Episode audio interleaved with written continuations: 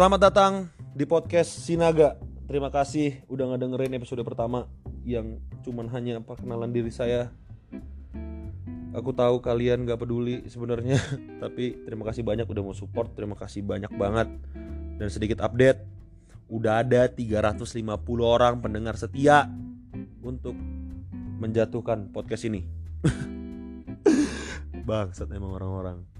Jadi gimana teman-teman semua? Kabarnya semoga sehat selalu sekeluarga lingkungan kalian. Semoga semua nggak ada yang kena ya tapi kalaupun ada yang kena ya semoga Tuhan memberkati bisa ngangkat penyakitnya dan cepat sembuh dan bisa beraktivitas seperti biasa lagi. Emang nih corona bangsat emang lama banget beres ya tai doang kesel banget gue gue pengen hidup seperti biasa lagi.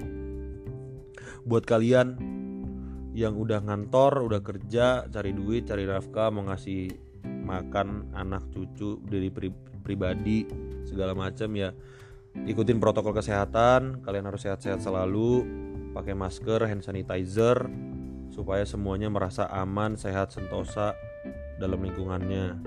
Oke? Dan buat kalian yang masih di rumah aja yang masih mengurung dirinya untuk menjaga satu sama lain terima kasih banyak terima kasih banyak kalian sudah memberikan partisipasi terbesar dalam hidup Anda untuk mengurangi populasi orang-orang di luar. Oke, tetaplah tidak berguna selagi masih hidup. Oke, itu prinsip. Jadi kan di rumah nggak apa-apa di rumah aja. Makan tidur makan tidur. Udah nggak apa-apa. Kayak gitu ya sampai tua. Udah oke? Saya dukung. Nggak nggak. Terus kemarin nih ada yang bilang ada yang ngasih saran Mikael Kenapa Mikael? Suara Anda seperti dibekap, suara Anda seperti ditutup. Kenapa suaranya pecah Mikael?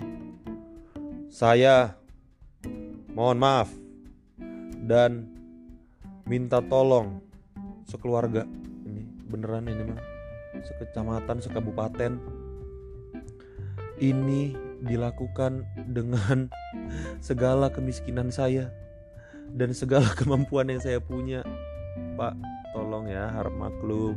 Makasih banget lo udah mau dengerin mau kasih support. Jadi buat kalian mana tahu punya barang bekas yang nggak kepake. Ya saya pak. Saya menerima barang bekas kok. Nggak apa-apa pak. Nggak apa-apa. Saya tampung. Atau punya rezeki lebih gitu kan. Uangnya agak berlimpah gitu kan. Agak tidak berseri nominalnya. Boleh disumbangkan secara langsung. Enggak enggak bercanda bercanda bercanda bercanda tapi kalau mau serius juga nggak apa-apa oke? Okay. oke okay, guys. Nah sebelum mulai sebelum mendengar lebih jauh pertama-tama sekali gua mau minta maaf mau ya tolong dibantu gitu kan. Gue mau minta maaf ya. Uh, kalau ada omongan gue yang salah atau omongan gue yang kurang kalau ada salah tolong dikoreksi kalau ada yang salah tolong dimaafkan dibenarkan gitu kan. Tujuannya gue pengen semuanya baik semuanya positif ya pak. Mohon maaf banget ini mah. Sekali lagi kalau ada salah gue mohon mohon maaf banget. Jadi langsung aja gue mau cerita sedikit tentang keresahan dan kekhawatiran yang terjadi di lingkungan gue ya. Sedikit cerita dari gue kecil sebentar gue mau minum jadi gue kecil itu gue lahir di Cilegon. Gue lahir di Cilegon sampai SMP gue punya banyak temen berbagai macam ras ya suku. Dan beda agama juga gitu. Ada yang dari suku Batak ada yang Cina ada yang Jawa ada yang Madura ada yang Sunda lah segala lah banyak gitu kan. Dan selama gue bergaul pada saat itu gue kita tuh ya nggak ada ngerasa perbedaan sama sekali gitu. Bahkan nggak menyadari itu gitu. Kayak ya bodoh amat lah anjing kayak nggak ada malah kayak nggak ada gitu ya kayak biasa aja. Gitu kan. Nah terus gue ngerasa ada yang beda nih ada yang unik gitu di Medan. Karena gue kan SMA di Medan ya dan punya teman tuh banyak juga suku-sukunya. Ada yang suku Batak, Batak Toba, Batak Karo, Batak Mandailing segala ada yang Cina, ada yang Jawa, ada yang uh, apa sih namanya Melayu gitu kan. Nah tapi ada yang beda dari antara Cina dan suku-suku lain. Suku Cina terhadap suku-suku lain. Gitu kan gue tuh merasa tertarik membahas ini gara-gara gue juga nonton di YouTube-nya Majelis Lucu Indonesia. Kalian boleh nonton nanti buat ini aja ya buat referensi gitu buat mensupport kalian gitu. Gitu ya. Dan positifnya deh pokoknya. Di YouTube-nya Majelis Lucu Indonesia dia punya segmen tuh segmen Bondowani yang bawa tuh nanti lo nonton sendiri dah. Judulnya Jawa versus Tionghoa di Surabaya. Jadi bahas rasisme tentang di Surabaya gitu kan Nah, tapi gue gak mau bahas itu lebih banyak ya. Gue mau bahas yang menurut gue deh, pribadi gue gitu, penilaian gue di lingkungan. Jadi gue ada punya teman Chinese gitu kan. Dan gue ngerasa perbedaan itu tuh ada pergaulan gitu ya. Pergaulan tuh kayaknya kok kayak ada agak pembatas gitu antara Cina dan suku-suku lain. Gue penasaran kan, ya kenapa gitu, kenapa bisa ini terjadi gitu? Gue nanya lah sama temen gue gitu salah satu. Waktu itu pada kesempatan kita lagi ngumpul-ngumpul gitu cerita-cerita dan gue langsung nanya. Gue nanya dan jawaban dia cukup menarik ya menurut gue dia gue nanya gini eh kenapa sih kalian tuh kalau mau bergaul sama orang yang bukan non Cina kok kayaknya agak lain gitu? Terus jawaban dia adalah kita kalau mau bergaul dengan kalian itu kita ngelihat dulu kelasnya dia bilang wah gue kaget banget nih. Mungkin ya kelasnya ya ya kalau bila dibilang kelas mungkin dari segi jokes dari segi lifestyle mungkin gitu ya dari segi gimana cara bergaul gitu oke okay lah gitu ya. Itu mungkin menurut gue nah dan gue merasa belum terjawab semua gitu. Kayaknya masih ada yang kurang gitu. Pasti ada faktor lain di balik itu gitu kan Nah dan kebetulan beberapa hari yang lalu gue sama teman-teman gue yang puji Tuhan mereka punya pola pikir tuh udah terbuka juga, udah ya udah luas lah. Kita ngebahas ini dan mereka punya keresahan, keresahan yang sama ternyata. Mereka bilang justru kenapa ada yang dibeda-bedakan, kenapa ada pembatas sesuatu gitu. Mereka juga ternyata merasa khawatir sebenarnya ke depannya bagaimana gitu kan. Nah, terus gue pengen bahas ini di sini itu gue nanya lah ke teman gue ini minta tolong dong tanyain dong ke teman lu menurut temen lu tuh gimana sih? gitu. Nah dia nanya ke teman-temannya dan gue punya jawabannya. Jadi ini responnya banyak ya guys ya. Aduh guys ini so asik banget bangsat Mikael jadi responnya banyak banget dan gue mungkin ngambil garis-garis besarnya ya. Ini dari segi gue nanya tiga pertanyaan yaitu ada nggak perbedaan antara Chinese dan non Chinese di Medan dalam segi bisnis? Kedua gimana menurut anda per pernikahan antara Chinese atau non Chinese jika itu terjadi pada diri anda gitu. Yang ketiga apa kegelisahan kau terhadap suku non Chinese dan kenapa bisa kayak gitu? Ajaran orang tua kah? Atau memang punya pengalaman pribadi kalau ada ya ceritain dong dikit boleh gitu. Nah jadi gue mau ceritain bukan gue mau bacain tapi uh, mungkin gak semua. Gue ngambil garis-garis besarnya aja. Jadi gue langsung bacain aja nih ya. Ini dari segi bisnis. Ada dia bilang. Tentu aja semua dimudahkan kalau untuk pribumi untuk non Chinese dipersulit bahkan dimintain duit. Oke. okay. Terus soal pernikahan dia bilang, ini jawaban dia memang menarik banget malah gila. Dia bilang gini, saya sudah pasti tidak akan menikahi non Chinese karena mereka juga kebanyakan benci kepada Chinese. Wow. Terus eh, pertanyaan ketiga ada yang bilang orang tua kurang bertanggung jawab dalam halnya mendidik dalam tanda kutip non Chinese tapi ada juga dari beberapa tapi juga ada beberapa dari mereka yang terdidik karena mereka punya karena mereka mayoritas tapi karena mereka mayoritas jadi mungkin selama ini dipukul rata jadi ada stereotip terhadap mereka. Oke. Terus ada yang bilang juga uh, kalau tentang pernikahan sih menurut saya sih it doesn't matter. Cause ya intinya kalian berdua saling mencintai.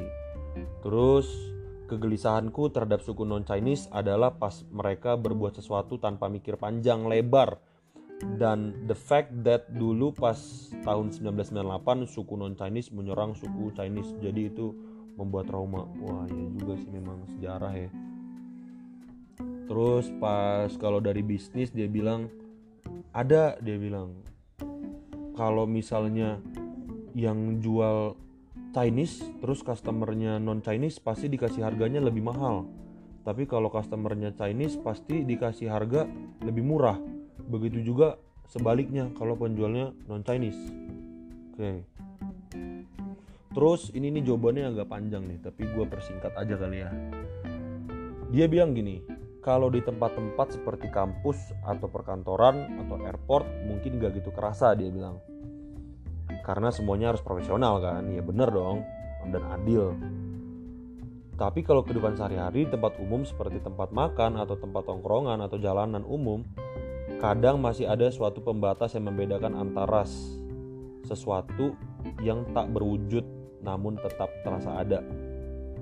Mungkin bentuk self defense dari setiap ras di mana alaminya orang akan berpikir untuk stay with your stay with our own gitu. Jadi kebanyakan orang otomatis akan lebih berpihak kepada ras mereka sendiri dan agak curiga kepada ras lain. Bahkan sebelum terjadi apa-apa mungkin udah was-was duluan terus dia bilang keresahan dia tentang terhadap non Chinese dia bilang pasti tetap akan ada. Namun sebagai seorang perempuan mungkin yang dirasakan itu oh dia lebih ngerasa dia digangguin sini kayaknya. Dirasakan itu sebenarnya lebih kegelisahan terhadap laki-laki yang tidak dikenal pada umumnya untuk ras apa pun itu. Kalau ajaran dari orang tua mungkin lebih ke perkara tentang the common stranger danger thing atau karena high crime rate yang ada di kota kita. Kalau soal pengalaman, dia lebih ke how woman cannot feel safe in public, apalagi ketika jalan sendirian mungkin ini lebih ke isu gender daripada race dia bilang gitu. Race itu bukan balapan ya bangsat ya, race itu ras ya, tolong bahasa Inggris. Hmm. Terus dia bilang gini, jika dikonklusikan dari semua pembahasan ini, masyarakat di sini belum open-minded enough to accept racial difference and gender equality. Memang slogan kita tuh bineka tunggal ika. Semangatnya sih ada, namun implementasinya payah. Masih banyak terasa perbedaan antar manusia ke depannya pelan-pelan mungkin bisa lebih baik dengan semakin banyaknya anak muda yang terpapar dengan informasi tentang isu seperti ini dari media sosial. Generasi ke depannya pasti akan lebih bisa open minded daripada generasi orang tua kita.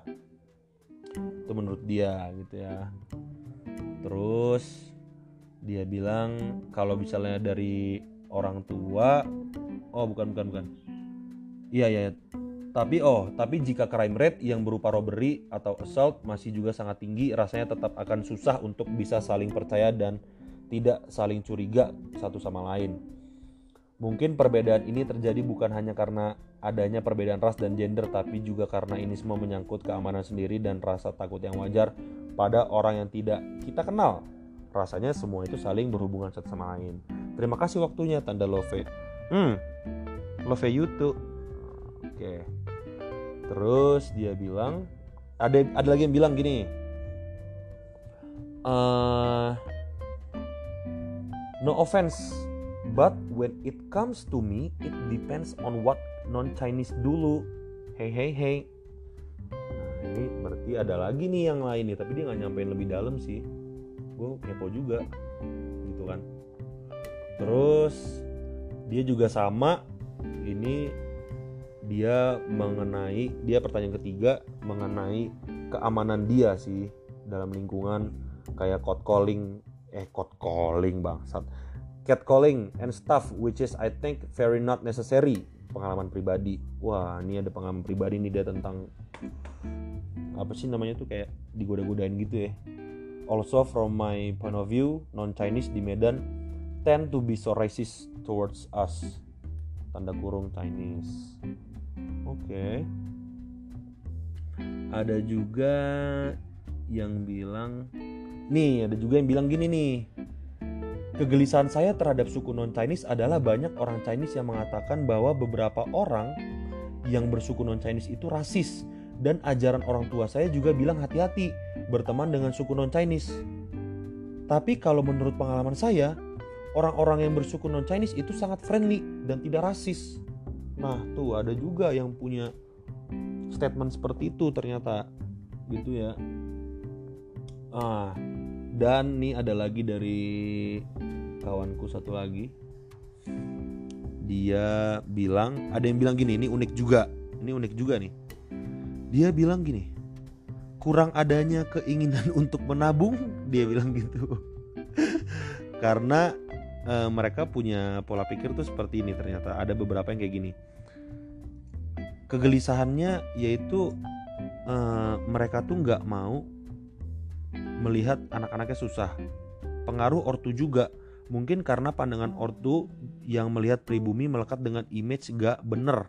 Apalagi mereka pernah merasakan kejamnya zaman 98 di mana mereka dijarah, diperkosa, diperlakukan seenaknya oleh kaum pribumi. Itu membuat membuat luka yang cukup mendalam untuk mereka sehingga mereka tidak mau kejadian seperti itu menimpa ke anaknya. Jadi mereka muncullah persepsi di kalangan orang tua yang menganggap kaum pribumi semuanya nggak bener sehingga anggapan buruk itu menurun ke kita jadi gitu ya guys nah ada juga yang bilang rasa sebagai pendatang minoritas yang berpindah ke negara lain harus bekerja keras dan tanpa menghitung waktu. Mereka terbiasa dengan bekerja keras dan hidup ingin cuan dan ini juga menjadi salah satu alasan mengapa orang Tionghoa suka berbisnis dan menabung. Nah, mungkin itu untuk merespon yang tadi kurang adanya rasa keinginan untuk menabung menabung ya. Jadi kurang lebih gitu? Itu respon teman-teman dari yang teman-teman gue yang Chinese ya. Makasih banyak buat responnya. Sekali lagi buat kalian yang mungkin nanti dengar makasih banyak banget responnya. Itu masukan juga. Makasih banyak. Nah ada juga temen gue yang orang Batak dia kasih pendapat seperti ini. Dia bilang gini ah semua orang Cina yang menguasain ekonomi ini semua yang punya bisnis mereka semua semua mereka yang menguasain Cina katanya. Kita nggak pernah uh, menguasai kita nggak pernah deh dapat kayak gitu dapat bisnis atau kerjaan semua yang menguasain Cina gitu kan. Terus kalaupun ada kerjaan ya orang Cina ngasihnya ya sama orang Cina juga gitu. Kenapa bisa kayak gitu coba? Ya kan nggak adil kan? Nah dia bilang gitu. Kalau pengalaman pribadi gua gua itu paling tuh pernah kena uh, gimana ya? Gua ngerasa tersinggung juga sih gitu. Waktu kejadian gua mau masuk lift. Waktu itu gue masuk lift ada beberapa anak muda itu kayak baris dan sengaja nutupin uh, liftnya supaya kelihatan padat. Dan gue tetap masuk gitu kan. Gue tetap masuk.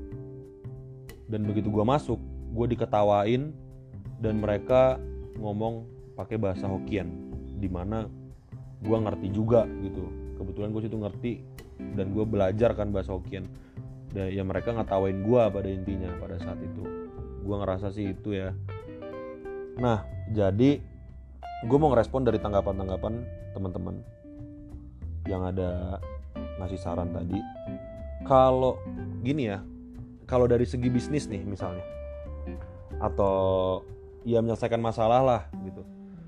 Menurut gue gini ya apakah udah bukan jadi rahasia umum lagi? Kalau lo mau nyelesain masalah apa pun ada sebutan dengan kata-kata ya pelicin gitu. Apa bukannya udah biasa ya? Bahkan gua atau keluarga yang lain ya sama juga kayak gitu gitu. Memang kadang harus menyelesaikan sesuatu atau mau melakukan sesuatu harus ada embel-embel pelicinnya dulu gitu loh. Menurut gue sih itu udah ya memang common thing ya kayaknya malah iya sih kayak gimana sih udah biasa gitu kan ya. Nah terus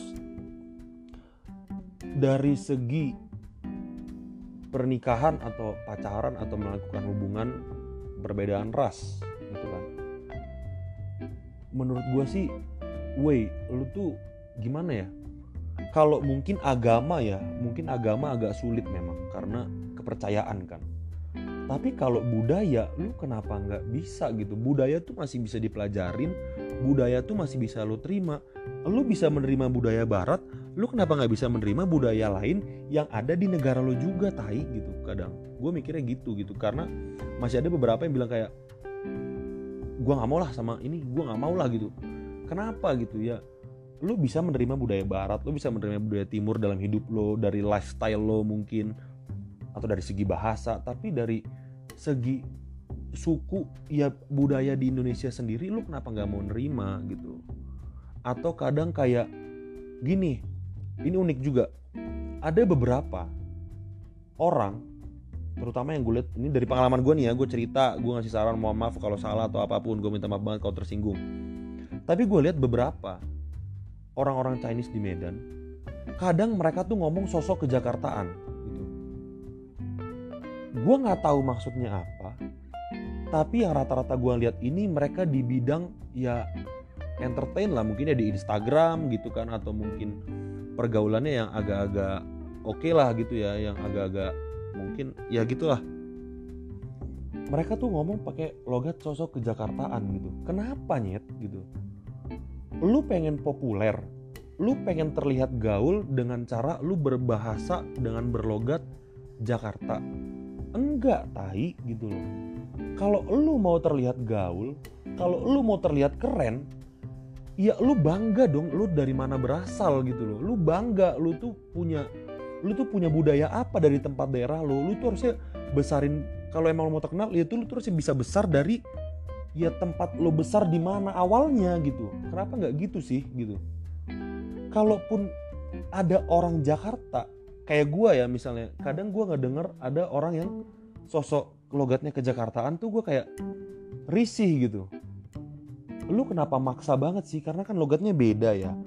Atau mungkin ada yang pernah tinggal di Jakarta dan logatnya ke bawah oke okay, no problem. Gak masalah sama sekali karena dia masih menyesuaikan. Tapi kayak lu yang dari lahir sampai sekarang di Medan terus tiba-tiba lu mau ke Jakarta ke Jakarta kalau gue boleh kasih saran ya banggalah dengan dari mana lo berasal lo bisa besarin nama tempat lo lahir, tempat lo besar, tempat lo dari kecil sampai sekarang gitu. Kenapa nggak mau seperti itu? banggalah ya lu bangga deh jadi anak daerah lo gitu istilahnya jadi anak sekitaran daerah lo lahir dah gitu itu sih nyet menurut gue yang aneh gitu kalau soal budaya ya. Apalagi nggak mau bisa menerima budaya asing atau budaya lain di Indonesia.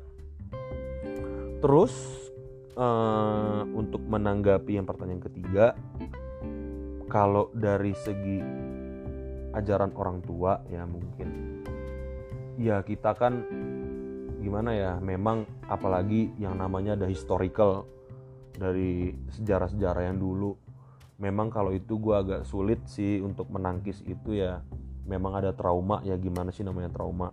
Tapi men seiring perkembangannya zaman ya gue kasih tahu itu semua pasti bisa berubah. Gue yakin bisa berubah dan gak mungkin bisa kayak gitu lagi gitu.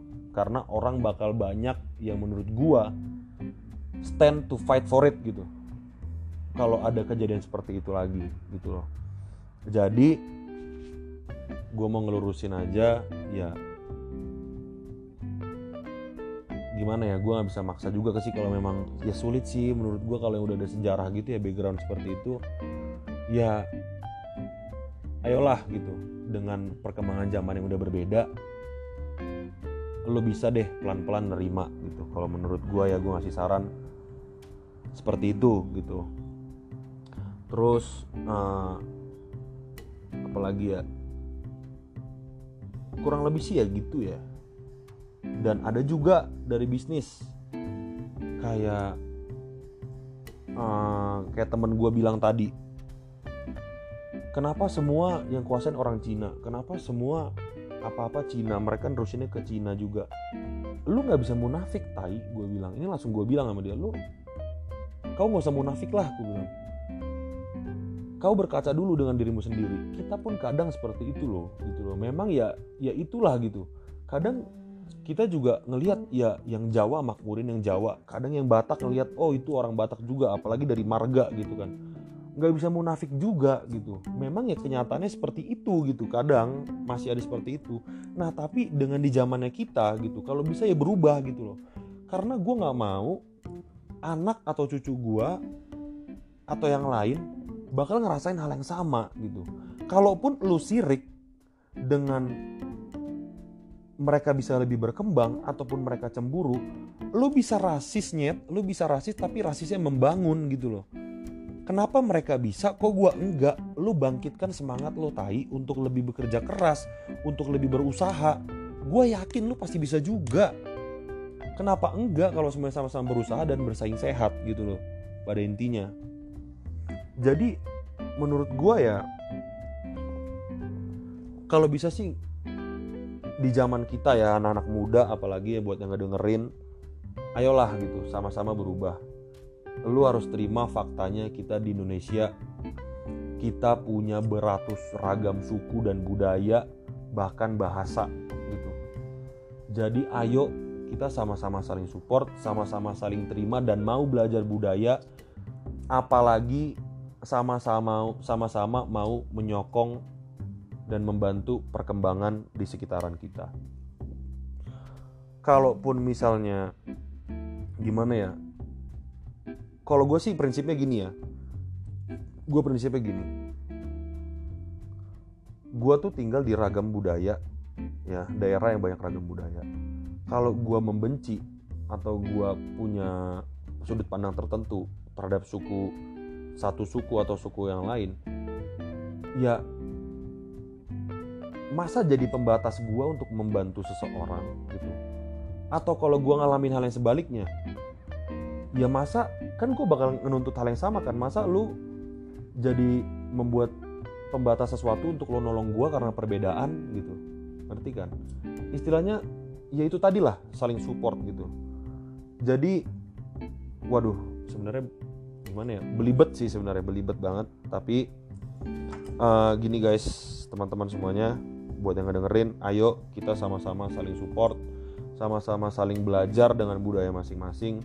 Kalau kita bisa menerima budaya barat terutama atau budaya apa pun yang bagian suka dangdut ya dangdut, suka sama bahasa Jawa ya bahasa Jawa bisa. Ya lu bisa menerima budaya orang lain kenapa di sekitaran kita lo nggak bisa nerima gitu. Ayo saling tolong menolong lah, saling terbuka. Kalaupun memang ada yang ngelakuin sesuatu sama lo yang jelek, mungkin itu orangnya, oknumnya, nggak semua sama. Jadi sudut pandang itu tolong diubah. Gue pengen ya gimana ya gue tuh pengen ya ya ya nyaman aja gitu bergaul. Tanpa harus gue ngerasa kayak misalnya gue ke sana tiba-tiba ih apaan sih? Ini datang udah berbeda gitu contohnya udah beda ngapain sih sosok gabung? Gitu. Gitu gue pengen banget gak mau. Gue juga takut ngerasain anak gue bakal ngerasain hal yang sama atau mungkin kalian anak kalian ngalamin hal yang sebaliknya. Buat siapa pun yang denger sekali lagi pesan terakhir gua pesan terakhir gua di podcast ini ya bukan kehidupan gua bangsat. Ayo kita berubah pola pikirnya kita pola pikir lebih maju dengan perkembangan zaman yang lebih maju juga. Jadi saling open minded saling mensupport terima budaya belajar. Gue udah ngomong ini berkali-kali nih ya ayolah gitu. Kita berubah sama-sama bangkit apalagi kita mulai dari anak muda. Ayo kita mulai dari sekarang. Kalau nggak dari kita mau kapan lagi bos